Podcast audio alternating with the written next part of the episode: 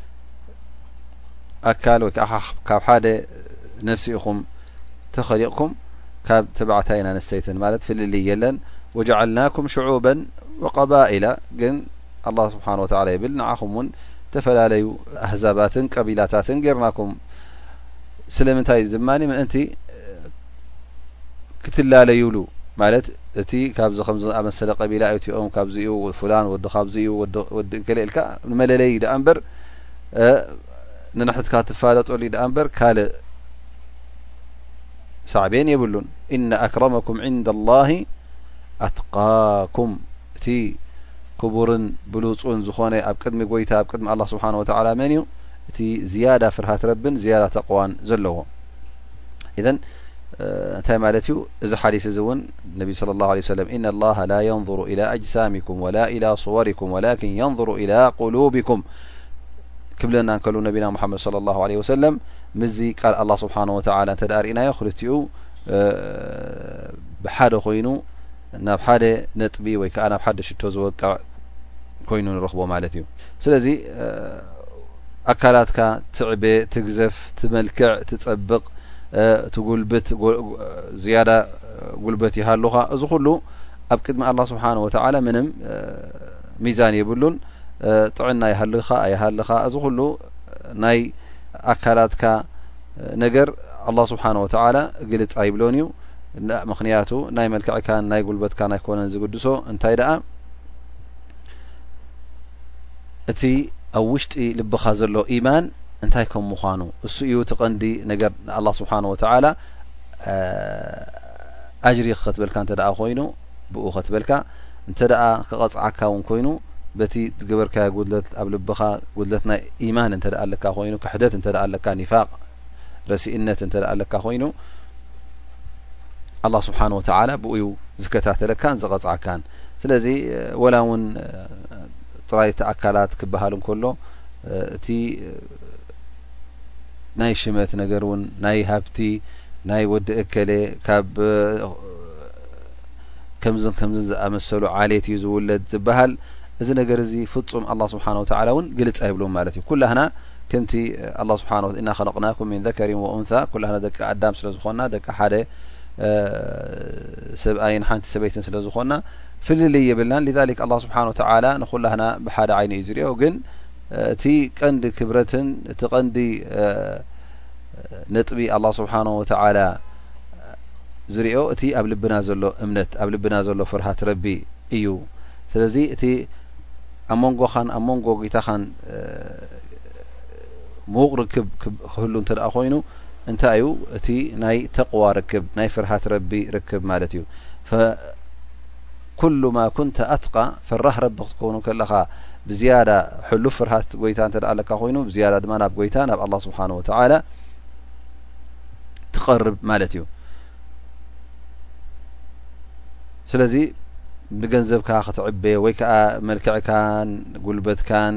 ክእለትካን ፍልጠትካን ብዝሒ ደቅኻን ገዛውትኻን ኣብኢትካ እትመልኮ በብዓይነቱ ንብረትን እዚ ኩሉ ናይ ኣዱንያ ነገር ኣብ ቅድሚ ኣላ ስብሓን ወተዓላ ፍፁም ሚዛን የብሉን ንዕኡ ረኺበልካ ድማ ኣላ ስብሓን ወተዓላ ዝፈተወካ ኣይምሰልካ እዚ ሽሻይ ከም ዝኣመስለ ክትውሃብ ከለኻ ምናልባሽ ንዓኻ መጥፊኢኻ ክኸውን ስለ ዝኽእል ስለዚ ትቐንዲ ጉዳይ ጉዳይ ናይ ልብኻን ናይ ፈርሃት ረብን ይኸውን ማለት እዩ ስለዚ እዚ ሓዲስ እዚ ናምንታይ እዩ ዘተኩር ዘሎ ከምቲ ዝጠቐስናዮ ጉዳይ ናይ ንያ ትብ ልብኻስ እንታይ ከም ዘሎ ዝኾነ ይኹን ተግባር ቅኑዕ ክኸውን እተ ኮይኑ ቅቡል እተ ክኸውን ኮይኑ በቲ ቅኑዕ ንያ ክብገስ እንከሎ ካብ ቅኑዕ ንያ ካብ ቅኑዕ ሓሳባት ክትብገስ ከለካ ኢኻ እዚ ሓሳባት እዚ ድማ ኣብ ምንታይ ዩ ብጀካ ስኻ ድፈልጦ የለን ምክንያቱ ኣብ ልብኻ ስለ ዝኾነ እቲ ኣብ ልብኻ ዘሎ እሱኡ እቲ ዝፈላልዮ ማለት እዩ ስለዚ ወዲ ሰብ ወላ እውን እቲ ዝገብሮ ዘሎ ተግባር ብግዳም ክትሪኦ ከለኻ ምናልባሽ ፅቡቅ ቅኑዕ ይምሰልካ ደኣ እምበር እንተ ደኣ ውሽጡ እንተ ዘየዕረየ ኮይኑ ሰብ እዚ ነዚ ተግባር እዚ ክገብር እንከሎ ምንም ፋይዳ ኣይክረክበሉን እዩ ምናልባሽ እንተ ርእና ሕጂ ክልተ ሰባት ድሕሪ ሓደ ኢማም ኮይኖም ንኣብነት ክሰግዱ እንተድኣ ርኢናዮም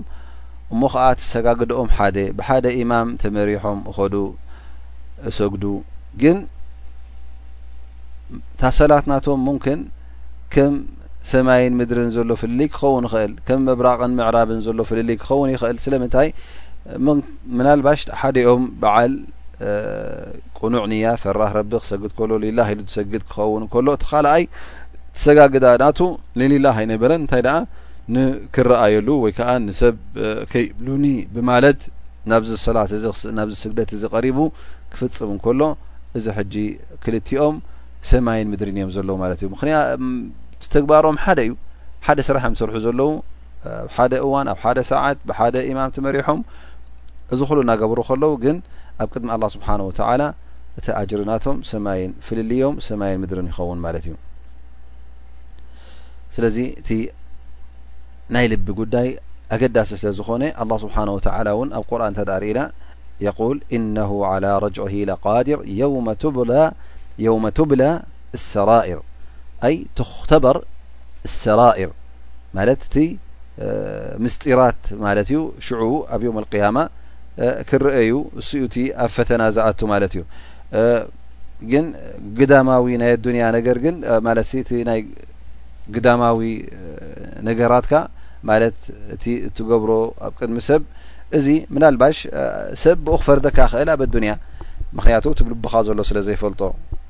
ሓታ ነቢ صለ ላه ለ ሰለም ንገዛእ ርእሶም እንታይ ይብሉ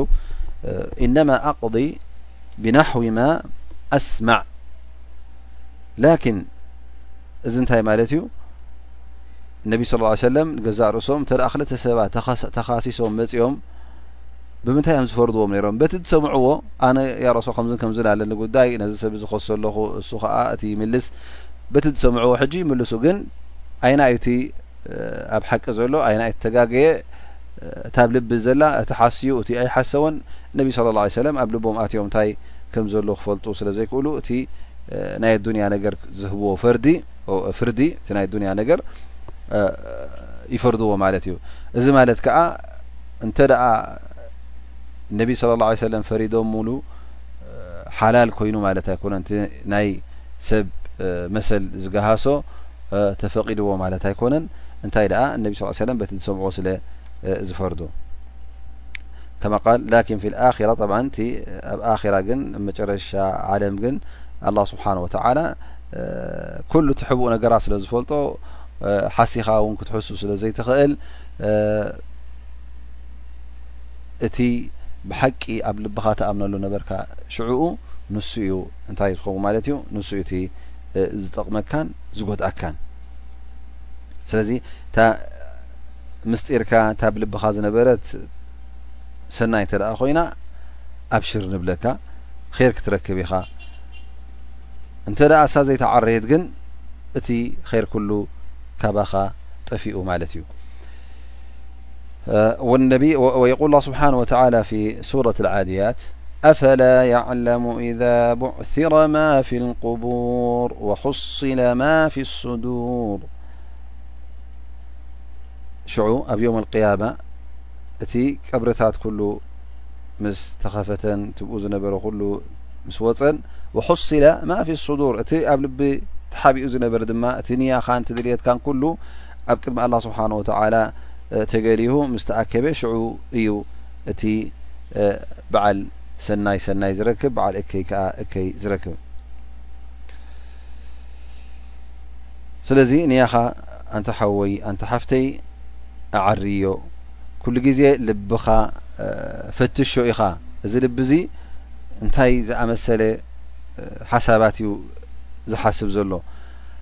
እንታይ እዩ ዝርኢ ዘሎ ምስቲ ናይ ኣላ ስብሓን ወተዓላ ክእለታት ምስቲ ናይ ኣላ ስብሓን ወተዓላ ክብሪ ንዕኡ ተዓዚቡ ንዕኡ ተመልኪቱ ናብ ሓቅን ናብ ሰናይን ይጓዓዝ ዘሎ ወይስ ካልእ ሓሳብ እዩ ዘለዎ የቁል እነ ፊ ኸልቂ ሰማዋት ወልኣርድ ወእክትላፍ ለይሊ ወነሃር ለኣያትን ሊኡሊል ኣልባብ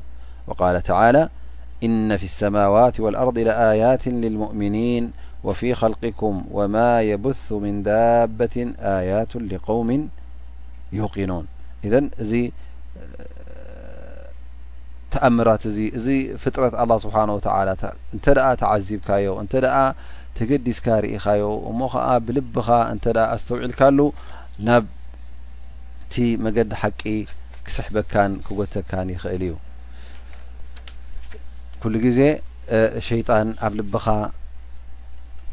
ጥርጠራን ኣብ ልብኻ ዘየድሊ ናይ ምውልዋል ንኸእትወልካ ስለ ዝፍትን ኩሉ ግዜ ክትቃለሶ ኣለካ ናብቲ ናብ ጎይታ ናብ ኣላ ስብሓን ወተላ ናብቲ ፍቶት ናቱ ዘብፅሓካ ናብኡ ክትጓየ ኣለካ ማለት እዩ ምክንያቱ ሸይጣን ፈፂሙ ነቲ እምነትካ ብዝኾነ ይኹን መገዲ ነቕነቕ ኣቢሉ ካብኡ ከም ተድሓርሕር ካብቲ እምነትካ ከምኡ ውን ገለ ጥርጥራ ኣእትዩ ይኸውን ዶ ኣይከውን ኢልካ ነቲ ልብኻ እውን ካብቲ ዝነበሮ ንፅህና ከርክሶ ይፍትን እዩ ማለት እዩ ስለዚ ልብኻ ኩሉ ግዜ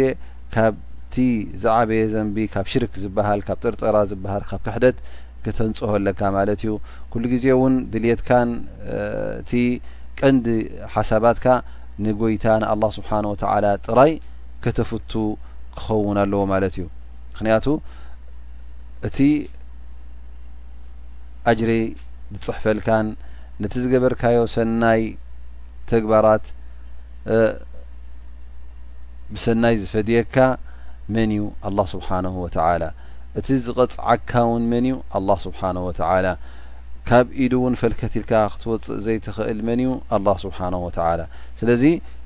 ኩሉ ግዜ እቲ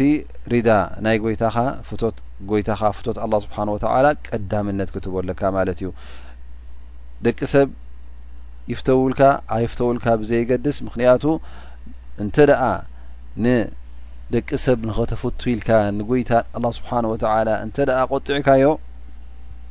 እዚ ዝያዳ ካብ ጎይታኻን ካብቶም ሰባትን ካብቶም ፍጡራትን የርሕቀካ ማለት እዩ ግን ንጎይታ ንኣላ ስብሓን ወተላ ጥራይ እንተ ከተፍቱ እሱ ጥራይ እተ ኮይኑ ሃንቀውታኻ እሞ ከዓ ሰባት ምናልባሽ ደስ ዘይብሎ ምኸውን ኣካይዳ ናካ ግን ንስኻ ቁሊሕታኻ ጥራይ ናብ ጎይታ ጌርካ ጥራይ ናቱ ፍቶትን ሪዳን ደሊኻ ክትጓዓዝ ከለኻ ኣላ ስብሓን ወተላ ሰናይ ተግባራትካ ደስ ይብሉ ይፈትዎ እሱ ምስ ፈተወልካ ድማ ደቂ ሰብ ክም ዝፈትውልካ ይገብሮም ማለት እዩ ምክንያቱ ገዛእ ርእሱ እቲ ልቢ ናይ ደቂ ሰብ ኩሉ ኣብ ኢድ መን እዩ ኣብ ኢድ ኣላህ ስብሓን ወተዓላ እሱ እዩ እንተ ደልዩ ዘፍትዎምን እንተ ደልዩ ዘፅልኦምን